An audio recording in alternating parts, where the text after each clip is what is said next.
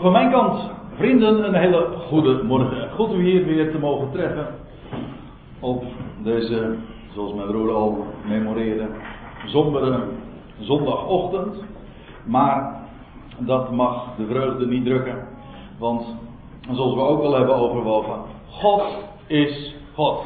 Hij plaatst alles. En ik denk, ik ga vanmorgen toch ook wel weer het een en ander uitleggen. We gaan het gedeelte bespreken. Maar ik ben al. Uh, ik heb mijn boodschap ook alweer gehoord voor vanmorgen. Namelijk. Hou het zodanig simpel dat iedereen het ook werkelijk begrijpt. Dat is wel eens lastig. Geef direct toe. Maar ik kan hem in mijn zak steken. Ja. De vorige keer, de vorige keren, toen heb ik gesproken over de relatie tussen Paulus en Jacobus. En dat was inmiddels alweer anderhalve maand geleden dat we spraken over Galaten 1 en 2. Dat Paulus vertelt hoe hij ooit door God is geroepen op de weg naar Damascus. En toen heeft hij een paar jaar later een ontmoeting gehad met de man, daar de broeder des Heren, in Jeruzalem. Dat was de eerste keer. Vervolgens hebben we uh, Handelingen 21 besproken. Dat was inderdaad twee weken geleden.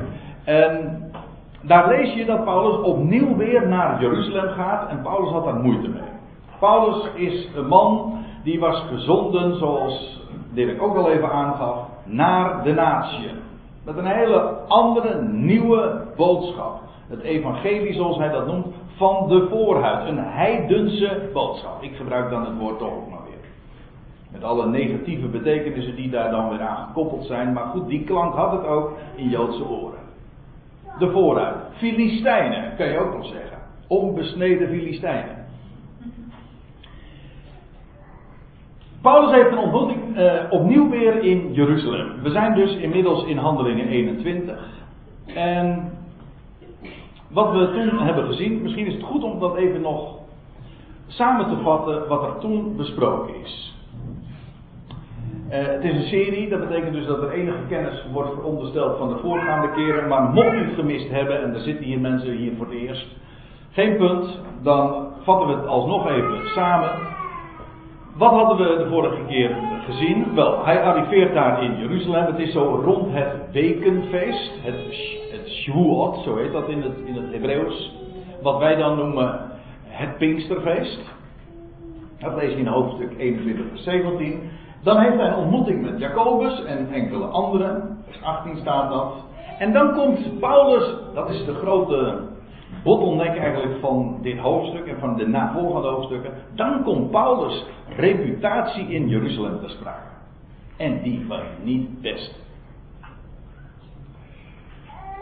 We zullen dat straks trouwens ook nog eventjes zien.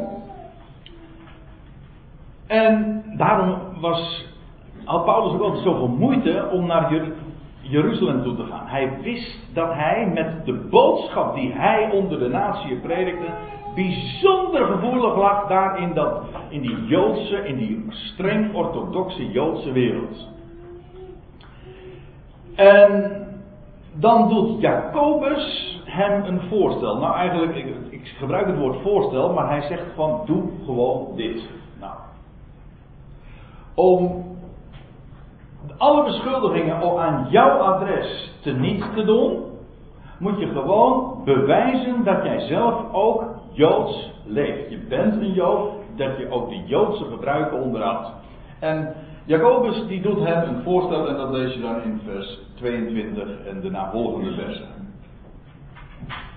En het voorstel wat kwam erop neer, ik zal nu niet te veel in de details treden, maar het kwam er in ieder geval op neer dat uh, er een aantal mannen waren die een gelofte hadden gedaan aan God. En dan gedurende die tijd van de gelofte mochten ze hun hoofdhaar niet scheren, mochten ze ook geen uh, wijn of sterke drank nemen. Uh, ze mochten zelfs geen krenten eten, want dat was ook de vrucht van de wijnstok. En een bepaalde gelofte hadden ze gedaan en aan het einde van die gelofte moesten er ook weer bepaalde ceremonieën voltrokken worden, er moest een offer gebracht worden en dan wordt tegen, ja, tegen Paulus gezegd, draag jij nou de kosten voor die mannen? Vier man. Zodat zij vrijgesteld worden van die gelofte. Een prachtig beeld. Paulus, de vijfde, die voor vier man de prijs betaalt. Hij koopt ze als het ware vrij, zodat ze niet meer onder die last van die gelofte staan, onder de wet. Ja, dat is niet alleen maar een manier om Paulus, zeg maar, vrij te, of vrij te stellen van, van de beschuldiging en om, om, om, het wind om de wind uit de zeilen te nemen van, van al zijn tegenstanders. Het was veel meer nog. Er zat namelijk, er zit een hele typologische waarheid in. Dat wil zeggen, er een waarheid met een, met een zinnenbeeld. Paulus is de man die zijn volk aanzegt dat ze vrijgekocht zijn, niet meer onder de wet zijn, dat de prijs voor hen betaald is. Nou ja, dat voorstel doet Jacobus aan Paulus en Paulus doet dat. En dan komen we in vers 26 aan. En vanaf dat vers gaan we nu ook de bespreking vervolgen. En het is een geschiedenis die dan voortgaat ja, tot uh, vers 40. Dat zullen we vandaag dan bezien. En ik hoop de volgende keer het weer te vervolgen, want dan begint Paulus toespraak. Goed, laten we in vers 26 aanhaken. Toen nam Paulus die mannen, dat zijn dus die vier mannen van de voorgaande versen, die mannen mee. En hij heiligde zich, of letterlijk hij was al geheiligd. Uh, geheiligd zijnde, de ging hij de volgende dag met hen in de tempel en hij deed aangifte. Hij deed de aangifte, waarom? Omdat hij de dingen voor zijn rekening zou nemen. Hij zou betalen. Dat kwam ook nog eens een keer. Paulus had ook geld voor de armen bij zich. Paulus was namelijk naar Jeruzalem gegaan, omdat hij te midden van de natie had hij een collecte, een inzameling georganiseerd voor de armen in Judea. Dat had ook een speciale reden, maar nu, nu met het geld is hij dus naar Jeruzalem gegaan om die gift daar te over te dragen. Nou, dat was de reden waarom hij naar Jeruzalem ging. En dan lees je vervolgens, uh, hij deed aangifte waarvan, nou, dat de dagen van de heiliging zouden duren totdat voor ieder van hun het offer gebracht was. Je moet zich voorstellen, daar stond die, tempel, daar was een priesterdienst. En wel, zoals, zoals ik al zei, dat wat Paulus hier doet, dat is een uitbeelding van een, van een geestelijke waarheid. En die tijd van die heiliging, die zou voltooid zijn op het moment dat uh, de offers, en dat kost geld natuurlijk, schapen of schapen moesten uh, er geofferd worden. Wel, dat moest allemaal bekost worden. Paulus neemt dat voor zijn rekening. Die tijd van die heiliging, dat was zeven dagen. Dat blijkt uit het volgende vers, want er staat toen nu de zeven dagen nagenoeg om waren. Lucas, als die dit zo opschrijft, veronderstelt daarmee kennis van, van de Joodse gebruik. Het doet nu eigenlijk niet zoveel ter zake wat er nou precies allemaal gedaan moest worden. In ieder geval, die periode van heiliging duurde zeven dagen. Wel, als die zeven dagen dan om zijn, of bijna om zijn, toen zagen de Joden uit Azië hem in de tempel. Ik gaf zojuist al even aan dat Paulus daar in Jeruzalem komt. Juist tegen de tijd van het, wat wij dan noemen, het Pinksterfeest. Maar ons Pinksterfeest is eigenlijk van origine een Joods oogstfeest. Van de tarweoogst. En gedurende die tijd kwamen Joden uit heel de wereld. U moet, zich niet, u moet niet vergeten, het grootste deel van het Jodendom in die dagen bevond zich net zoals vandaag trouwens in het buitenland. Niet in het Joodse land, maar in de, wat men dan noemt de diaspora, in de verstrooiing. Dat was een klein Joodse staat met een hoofdstad Jeruzalem onder een Romeinse bezetting een tempel daar. Maar het grootste gedeelte van het Jodendom woonde buiten het land. Dat is vandaag ook nog steeds zo. Een paar miljoen Joden wonen er in Israël. En het grootste gedeelte van het Jodendom woont nog steeds in het buitenland. Nou, maar daar stond die tempel in Jeruzalem. En ze kwamen jaarlijks met de hoogtijden, bijvoorbeeld met het wekenfeest, kwamen ze naar Jeruzalem. Vandaar ook dat daar dus uh, Joden uit Azië zijn. Het Klein-Azië, huidige Turkije. Dus het was een enorme drukte daar in Jeruzalem. Ter gelegenheid van die hoogtijd. Nou, toen nu de zeven dagen nagenoeg om waren, zagen de Joden uit Azië hem in de tempel. En dan lees je, en ze brachten al het volk in opschudding, of eigenlijk in verwarring. En ze sloegen de handen aan hem. Je voelt natuurlijk al hoe groot de spanning is. En Paulus, ik heb dat de vorige keer nog uiteengezet en ook laten zien. Paulus wist wat hem te wachten stond. Het was hem trouwens door de geest ook in, van stad tot stad betuigd. Hij wist dat hij in Jeruzalem zo moeilijk lag. Er werd onderwijs over hem gegeven dat hij de man was die afval van Mozes kreeg. Ze pruimden hem niet. Nou, en nu zien daar Joden uit Azië, die dus Paulus kenden, want Paulus had daar in Azië gepredikt. En in allerlei steden, bijvoorbeeld in Efeze, had hij de boodschap van Gods genade verteld. Een niet-Joodse boodschap, een Filistijnse, een heidense boodschap. Helemaal los van ceremonieën, heeft er allemaal niks mee te maken. Paulus bracht een heidense boodschap. Houd die ook vast. En wat is die heidense boodschap? Nou, daar kun je heel veel van vertellen, maar die komt er eigenlijk op neer wat, op die eerste dia die u vanmorgen zag. Wat er op die vraagwagen stond. God is God. Allemaal over. Er is één God. Paulus bracht de natieën de boodschap. Mensen, er is één plaats. En hij zet alles en iedereen op zijn tijd op zijn plek.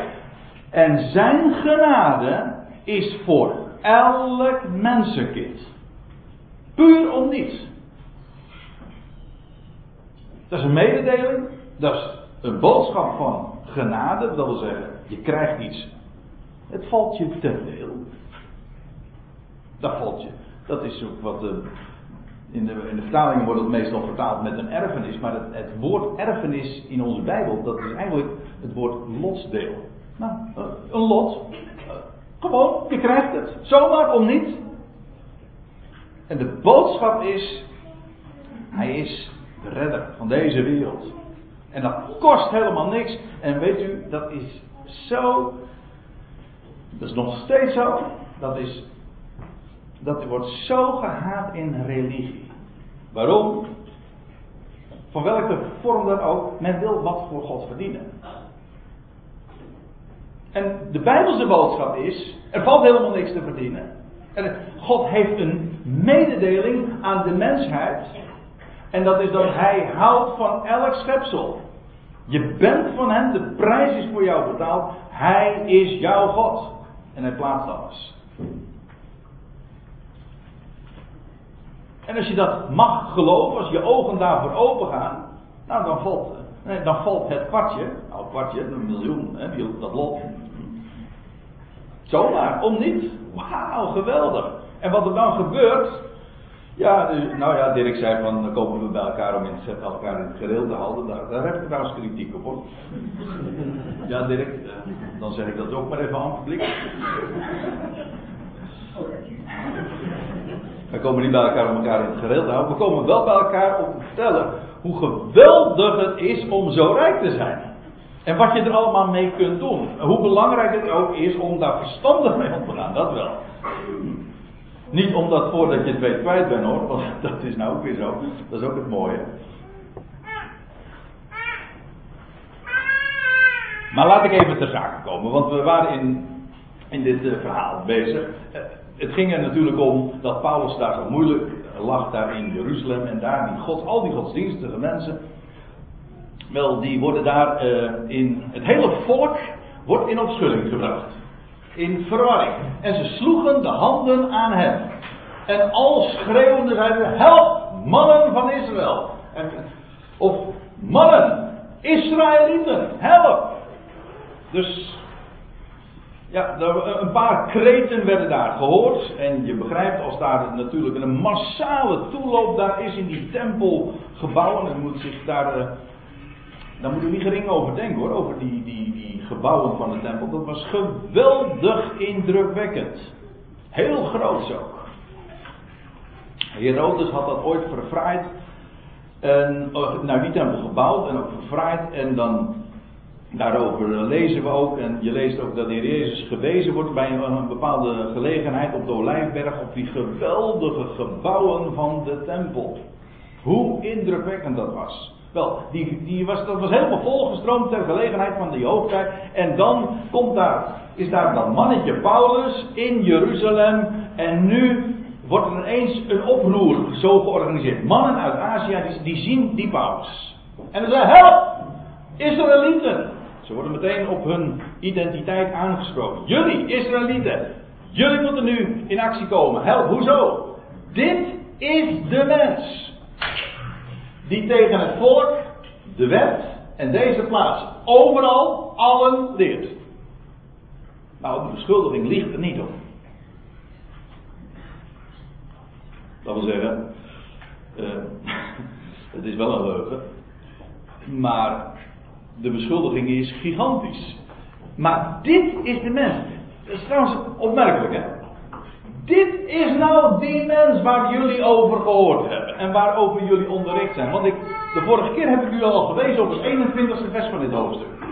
In, de, in uw vertaling vindt u het niet zo terug, maar zo staat het er echt. Men heeft hun van u, uh, van u verteld, dat wil zeggen al die Joden daar, die tienduizenden Joden daar in Jeruzalem, werd niet alleen maar verteld als gerucht, maar er werd onderwezen over een man die daar in het buitenland is en ze werden daarover onderricht. Categorisatie kregen ze daarover. Dat is het woord wat er gebruikt wordt. Dat u alle Joden onder de natie een afval van Mozes leert. Door te zeggen hun kinderen niet te besnijden, nog naar de gebruiken te wandelen. Dat was wat ze van Paulus zeiden. Dat klopte niet, dat is niet waar. Paulus zei dat ze in de vrijheid stonden. Niet dat ze niet naar de gebruiken mochten wandelen. Maar dit is nou die mens de mens. Dat bepaalde lidwoord is zeggen. Dit is nou die mens waar jullie over gehoord hebben en waarover jullie onderwezen hebben en die al onbekend is in Jeruzalem en waarvan we weten hij deugt niet. Dit is die mens. En hij is het die tegen het volk, de wet en deze plaats, Hamakom, deze plek, de, de plaats, uh, de tempel namelijk, overal allen leert. Is, dat is niet waar. Ik zal u zeggen, het is niet waar en het is wel waar. Dat klinkt diplomatiek, maar ik zal het uitleggen. Wat er niet aan waar aan is, nou laat ik het met Paulus' eigen woorden zeggen. In Romeinen 9, vers 4 en 5. Dan lees je wat Paulus zegt over de Israëlieten. Hij zegt, zij zijn Israëlieten. En dan vervolgens somt hij op wat er aan hen toegevallen is. Toevallig lotsdeel. Hunner is, en dan zegt hij, de zoonstelling. Dat wil zeggen, zij zijn de erfgenaam. Aan hen valt het, zal het ten deel vallen. Zij zijn de zonen. Hunner is de heerlijkheid. Hunner zijn de verbonden. Niet alleen het oude verbond, ook het nieuwe verbond is voor Israël. De wetgeving is van hen, niet van de volkeren. Die hebben niks met die wet te maken. De hunner is de wetgeving. En de eredienst, daar in Jeruzalem, met al die offers, die priesters en al die rituelen, ceremonieën, et cetera, et cetera. Hunner is de eredienst. Daar waren ze zo trots op. En bovendien ook de belofte. De God had zijn belofte verbonden aan dat volk. Aan de Israëlieten. En die waren voor hen en voor zover God zijn belofte gaat vervullen, ook voor de wereld, doet hij dat via Israël. En hun zijn ook nog de vaderen aan wie die beloften gedaan zijn. En uit hen is, wat het vlees betreft, de Christus, de Mashiach. Die zou uit hen voortkomen. Nou, dat zijn allemaal de, de zaken, de voorrechten, de zegeningen die aan Israël zijn gegeven. Dus als zij zeggen, helemaal terug. Dit is de mens die tegen het volk overal allen leert. Dan moeten we zeggen, dat is absoluut niet waar. Paulus onderkende dat en hij onderschreef dat. Hij leerde dat. Dat was het, de enorm bevoorrechte plaats van Israël.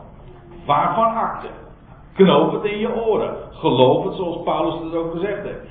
Geloof ook niet het verhaal wat wat alom in de kerkgeschiedenis is verteld, dat is dat al die beloften en al die voorrechten die aan de Israëlieten waren gegeven, die zijn van hem ontvreemd, die zijn nu overgegaan op de kerk. Vergeet dat maar mooi. Hunne is het. En als God belofte heeft voor dat volk, dan gaat hij ze ook vervullen. Dus hun beschuldiging was niet waar. Wat is er wel waar aan? Wel, dat Paulus' prediking aan Israël is dat vanwege uw ongeloof, dat wil zeggen het ongeloof van Israël, werd het heil van God, de redding van God, naar de natie gezonden. Dit is een vrijwel letterlijk citaat uit dit vers.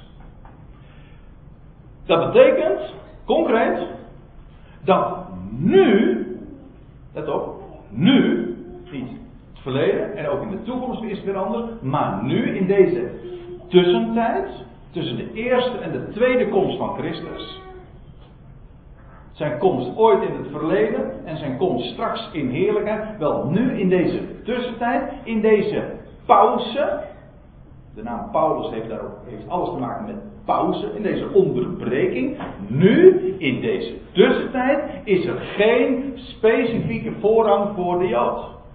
Binnen dat lichaam van Christus. Uh, nu speelt de wet geen rol. Of je de wet nou wel houdt of niet, maakt geen enkel verschil. Daarom lag hij zo gevoelig, die Paulus, dat hij dat zo vertelde. En nu speelt ook de tempel of de ceremonie of wat dan ook voor rituelen geen enkele rol. Ik weet wel. Ja, kijk, als je natuurlijk het idee hebt, wij zijn de kerk, wij zijn christenen, en al die beloften die God en alles wat God aan Israël heeft gegeven, dat is nu overgeheven, dat is aan de kerk gekomen. En dus, nou ja, de Sabbat dat is de zondag geworden, de besnijdenis is de doop geworden, nou noem maar op. En de tempel, dat is de een mooie kerkgebouw geworden. Sommigen zijn daar, gaan er nog veel verder in. En zoals ze vroeger uh, priesters hadden, zo hebben wij nu dominees en ook een geestelijkheid, of priesters, ook priesters. Ziet u, men heeft het allemaal overgenomen. Maar laat ik u dit vertellen. Al dat soort judaïstische, joodse aangelegenheden, de wet. Dus de heilige dagen, hoogtijden, of een tempel of ceremonie. Het speelt in deze tijd geen enkele rol. In de toekomst wordt het weer anders. Als God weer de draad gaat oppakken met zijn volk Israël. En hen in zijn totaliteit terug gaat brengen in het land. Wel dan, ja, dan wordt het verhaal weer anders. Maar nu, in deze onderbreking, is dit de stand van zaken. Daarom lag Paulus zo gevoelig. De andere apostelen wisten dat ook niet. Aan hen was dat niet toevertrouwd. En voor zover ze het wel wisten, wisten ze het via Paulus. Maar goed, dat kwartje moet ook maar eerst vallen. Petrus heeft zijn hele leven erover gedaan om dat te gaan begrijpen. Dat tenminste, dat zegt hij in, in, de laatste brief die hij geschreven heeft. En dan zegt hij nog van nou, die brieven van Paulus zijn, is zwaar om te verstaan. Goed. Dus ja, wat is er niet aan waar, wat is er wel aan waar? Ik heb het u nu even kortweg zo even op een rijtje proberen te zetten. Maar goed, we gaan weer even terug naar die geschiedenis. Paulus is daar in, in Jeruzalem, in die tempel, om, uh, om daar uh, af te handelen. In verband met die gelofte. En dan, nou ja, dan wordt hij gesignaleerd door die mannen uit Azië. En nou, dan schreeuwen ze: Help, mannen, is, Israëlieten. Dit is de mens die tegen het volk en, en de wet uh, en deze plaats overal allen leert. En nu heeft hij ook nog eens Grieken in de tempel gebracht en deze heilige plaats ontwijd. Nou, dat is helemaal een formidabele beschuldiging hoor. Ook dat moet je weer met Joodse ogen lezen. Ik heb hier een plaatje hieronder. Dat kun je, nou, dat kun je nauwelijks ontcijferen, maar het zijn Griekse letters die hierop staan. Maar die zijn, dat is uh, in de vorige eeuw of twee eeuwen geleden is dat teruggevonden. En dat is een, een, een steen waarop gegraveerd staat. Uh, dat nog dateert uit de tempelperiode. Dus van de zogenaamde tussenmuur, de Sorek. En wat hield dat in? Wel, je, hebt, had dus daar in dat tempelcomplex van Herodes, had je ook een voorhof voor de heidenen. Dat wil zeggen, de natie mocht daar nog komen. Geen probleem. Dan vervolgens kwam je in de vorm van de Joden.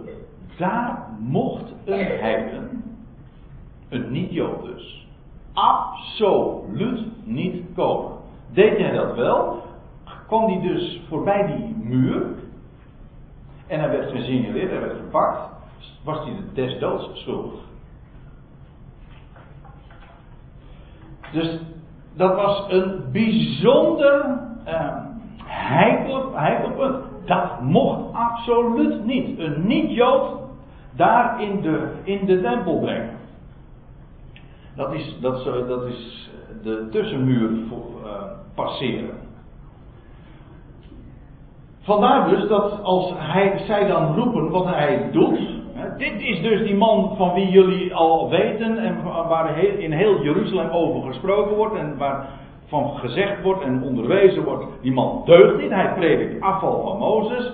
Wel, en nu heeft hij dat ook nog eens een keertje bewezen door, nu heeft hij ook nog eens Grieken in de tempel gebracht en, deze, en daarmee dus deze heilige plaats ontwijd. Dat is absoluut niet waar. Maar dat dachten zij.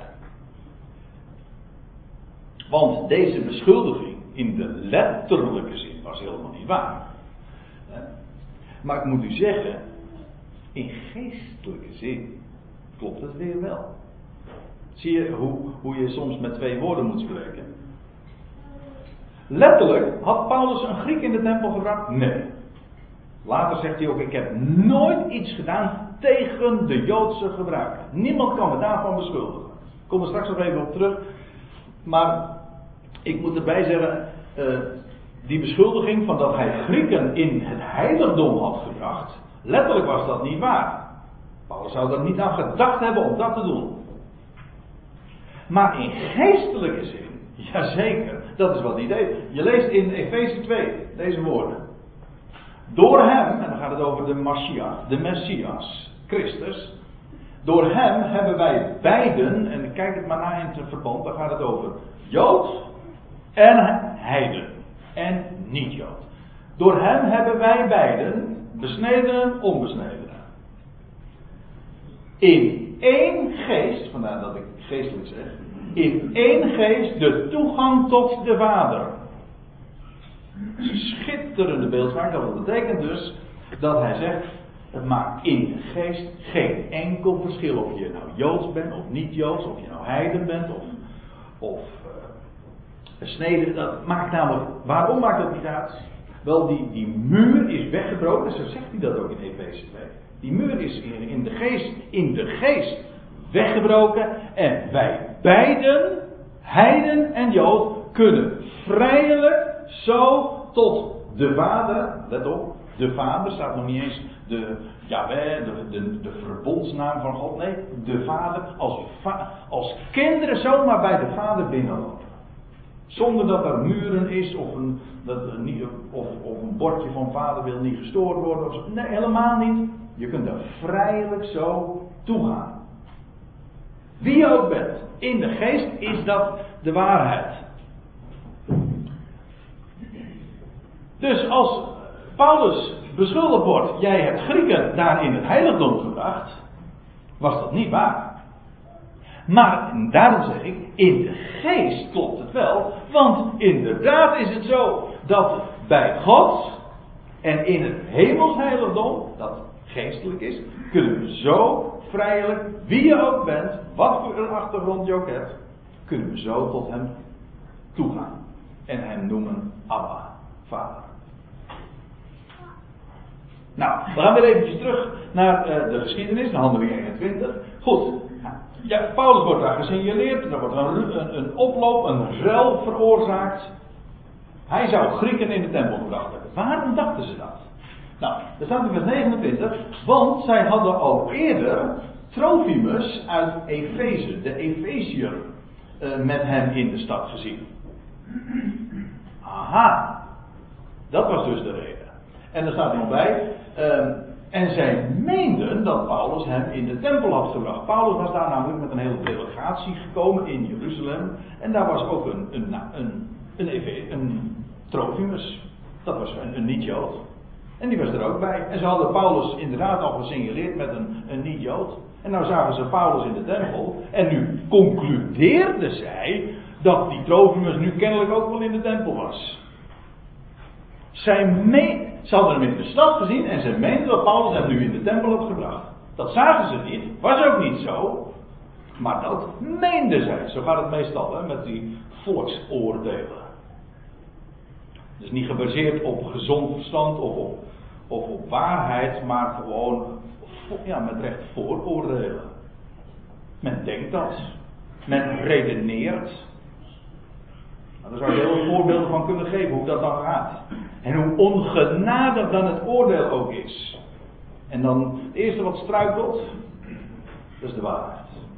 Die, moet, die gaat eraan. En dan kun je natuurlijk meteen bepaalde kreten roepen. En als een bepaalde kreet in een, in een, bepaald, uh, in een bepaalde setting, dat kan meteen al een gigantische herrie veroorzaken. Dit was in de Joodse wereld. Dit is nou die man, hij heeft Grieken in de tempel gebracht. Of hij, hij predikt afval van Mozes. Nou, dat was genoeg om, om meteen een hele rel te veroorzaken. Je kan ook een bepaald woord in een christelijke setting, in een christelijk-orthodoxe setting gebruiken. Gebruik één woord. En je hebt meteen de hel breekt los. Ja. Nou, ik kan één woord noemen, maar ik kan heel wat woorden noemen. Die zo, dat werkt zo. En weet men dan waar men het over heeft? Nee, het is allemaal gebaseerd op vooroordeel en op meningen en redeneringen. Goed. Ze meenden dat Paulus hem in de tempel had. Ik moet eh, verder gaan, want we moeten vers 40 uitkomen. En de hele stad kwam in, de hele stad kwam in rep en roer. Het volk liep de hoop en ze grepen Paulus. Dat is dus, let op, inclusief al die tienduizenden messiaanse ijveraars van de wet.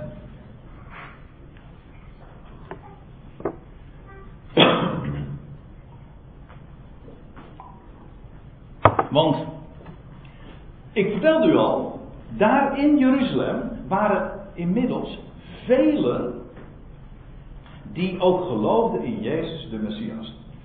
Het Sanhedrin, de officiële instanties moesten er niks van hebben, maar het was een hele grote secte. Maar ook onder hen had Paulus die kwalijke reputatie. De hele stad Inclusief die, al die tienduizenden Joden die geloofden in Jezus de Messias, maar die waren ijveraars van de wet. Wel, ook, ook zij. Er wordt hier geen onderscheid gemaakt. De hele stad is nu tegen Paulus. Dat is wat voor die man ook geweest. Gezien ook als zijn achtergrond. Hij kwam zelf uit die wereld. Hij wist zelf ook wat fanatisme was. Maar goed, alles wat hem ten deel was gevallen, dat wat hij, hem bekend was gemaakt, hij. Uh, met die boodschap was hij zo gaan. De hele stad kwam in rep en roer en het volk liep de hoop en ze grepen Paulus en ze sleurden hem de tempel uit en terstond werden de poorten gesloten. Ja, waarom? Nou, in de eerste plaats, dat kwam omdat men in de tempel niet iemand ter dood kon brengen. Dat was, mocht niet. Dus een beetje vergelijkbaar met uh, wat wij dan uh, noemen uh, het asielrecht in de kerk. Als iemand, asielzoekers die dan in de kerk, in een kerk, een, een veilig onderkomen vinden. Dan mogen ze daar, in de kerk mag geen naam niet gepakt worden. Dat is ook zo'n regel. Want zo was het ook in de tempel. In de tempel mocht iemand niet ehm, ter dood gebracht worden. Vandaar dus dat ze, pakken Paulus, ze sluiten de poorten van de tempel af, zodat hij niet kon vluchten in de tempel en daar dus uh, veilig zou zijn. Uh, typologisch, zinnebeeldig is trouwens ook waar, want hier ging echt de deur dicht voor Paulus. Definitief. De Joden sloten de poorten definitief voor Paulus. Paulus zou niet meer in de tempel komen. Dit was de laatste keer. De deur ging hier echt voor hem dicht. Ik lees verder. En terwijl zij hem poogden te vermoorden, kwam bericht in bij de overste van de bezetting. Letterlijk staat er een, een. Dat is, dat een uh, overste over duizend. En dat is de topman van de burg Antonia. Dat is een geweldige grote plaats. Ik kom er straks nog even op terug. En u moet zich realiseren, die, die burcht Antonia, die was, dan moet ik het goed zeggen, uh, pal ten noorden van de tempel um, ge, gesitueerd. En die, die burcht die had, ja, daar waren vele Romeinse soldaten gelegerd. Het was eigenlijk een complete stad hoor.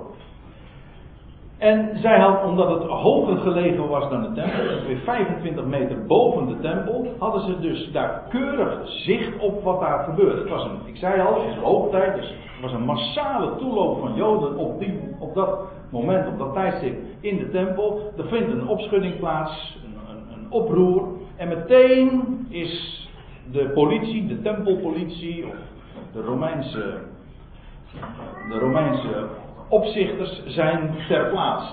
Ze krijgen het bericht en dat heel Jeruzalem in opschudding was. En deze man, deze, pardon, deze nam onmiddellijk soldaten en hoofdlieden, soldaten en centurions, hoofdlieden, dat zijn hoofdmannen over honderd, dus ze gaan meteen met een heel korps van, van, van mannen en soldaten. Ook, hij was zelf een, de, topman, een, top, uh, een hoofdman over duizend en allerlei centurio, dat wil zeggen hoofdman over honderd, die brengt hij bij elkaar en als de bieden weer gaan naar het tempelcomplex om die opschudding de kop in te drukken.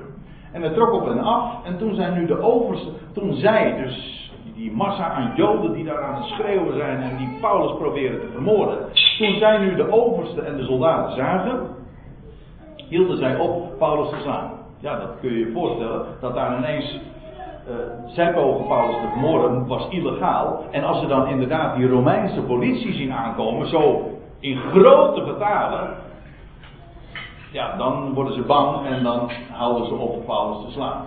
En toen naderde de overste, die, die Giliarch, en die liet hem, Paulus, grijpen en met twee ketenen boeien. En deed er onderzoek naar. Uh, wie hij was, wie die Paulus en wat hij gedaan had. Ja, hij wil, hij wil weten wat er is, aan de hand is. Die massa niet, die waren gewoon uh, gek gemaakt door een paar mensen die een paar kreten riepen. Maar hij wilde weten wie het betrof, wat hij had gedaan. Precies zoals het hoort. En uit de schade riep de een dit, de ander dat. En toen hij door het rumoer de ware toedracht niet kon te weten komen, liet hij hem naar de kazerne brengen. Dus die man, ja, die wilde gewoon weten wat er aan de hand was. De massa die kon hem geen duidelijkheid meer geven. De ene dit en de andere. Dus dat is complete verwarring. En daarom liet hij hem gewoon. Uh, hij was inmiddels geboeid en hij laat hem naar de kazerne brengen. Naar de citadel of naar de burcht. Wat, in de Bijbel vinden we die naam niet, maar dat heet de burcht Antonia. Hier hebt u een, een plaatje daarvan, om een klein beetje een voorstelling van te vormen. Het wijkt af van wat u in de grote handboeken daarvan vindt.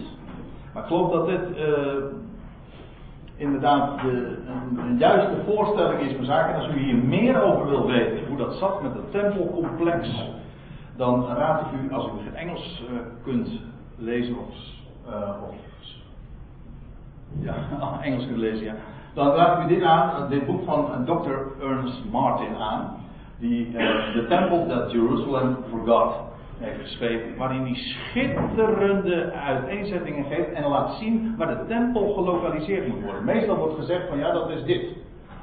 Dat, is dit, eh, dat noemen ze het tempelplein. Maar hij laat zien dat eigenlijk de tempel waar Jeruzalem, de tempels van Jeruzalem, die waren een paar honderd meter zuidelijk. Dat is hier. Dit is de Olijfberg, zeg maar. Een brug over het Kidrondal. Ging zo naar de, naar de tempel toe. Hier heb je de, de voorhof van de heidenen. En hier dan de, het eigenlijke tempelcomplex. En dit was de, uh, ja, dit is wat men dan het Tempelplein noemt, maar het was in werkelijkheid de burcht Antonia. Heel groot. En u ziet, dat is wat hoger gelegen. Ik zei al 25 meter hoger dan de tempel. Dus zij, zij waren hier, ze hadden een geweldig uitzicht daar dus op die tempel. En ze waren ook meteen ter plaatse. Dat, laat zich uh, wel verstaan. En, nou, dan lees je in vers 35. En toen hij, uh, Paulus, bij de trappen gekomen was. Kijk, dat zijn deze trappen. De, de trappen dus die van de tempel.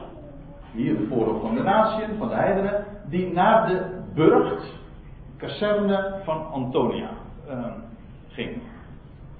En dan lees je dus toen hij bij de trappen gekomen was, geschiedde dat hij door de soldaten moest gedragen worden vanwege het opdringen, of letterlijk vanwege de, het geweld van de schade. De soldaten moesten hem dus gewoon op de schouders nemen, anders konden ze, kon hij daar gewoon niet toe komen.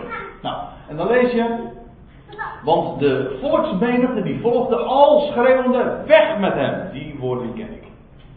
Dat lees je ook wel in de Evangeliën, dat exact hetzelfde gezegd werd over Jezus. Weg met hem. Hij verdient het niet te blijven leven.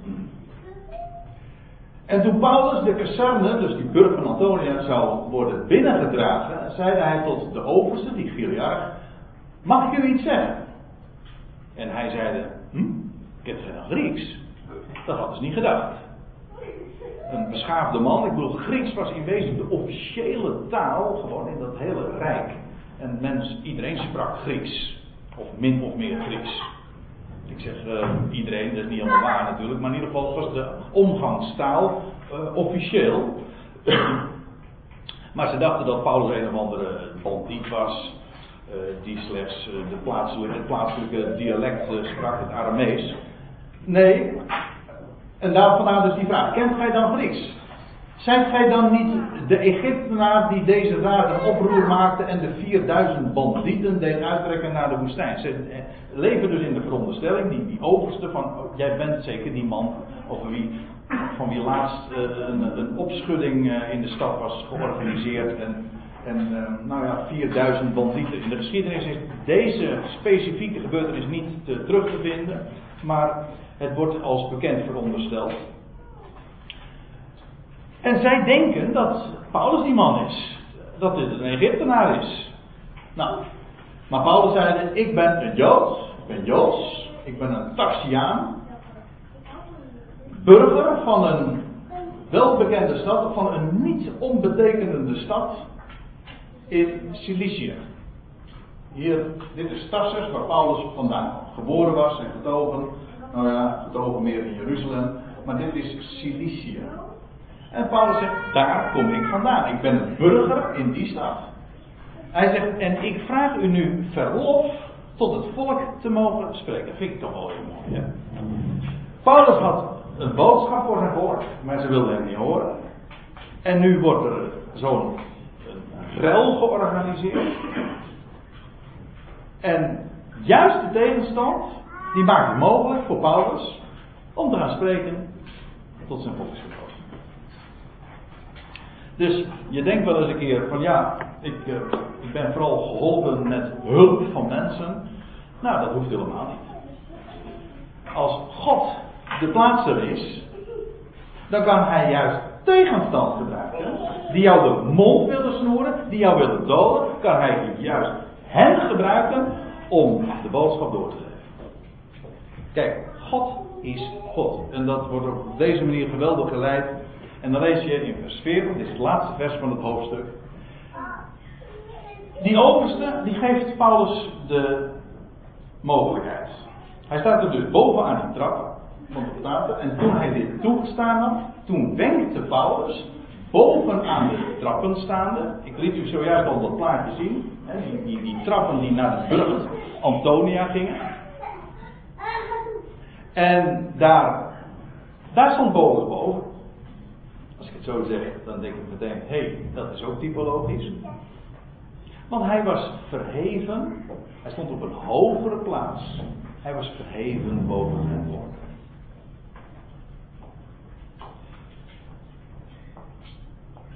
Niet vanuit de hoogte, maar wel op de hoogte gesteld. En hij heeft nu iets zijn volk iets te vertellen. En dan lees je, hij, hij wenkt met zijn handen. Dus zo van, Stil. Ik ga jullie wat vertellen. En dan lees je, en toen het helemaal stil geworden was. Nou, daar zal wel even tijd overheen gegaan zijn, stel ik me zo voor. Net een gigantische rel, iedereen schreeuwen. En Paulus die het vege lijf gered heeft, want ze trachten hem te vermoorden. Dus hij had toch ook al het een en ander ondergaan. Nou, Paulus die is daar nu op die, die trappen gezet, door die Romeinen daar gebracht. En toen het helemaal stil geworden was, sprak hij hen in de Hebreeuwse taal. Dat staat eigenlijk letterlijk in het Hebreeuwse dialect. Ons woordje dialect, ziet het hier.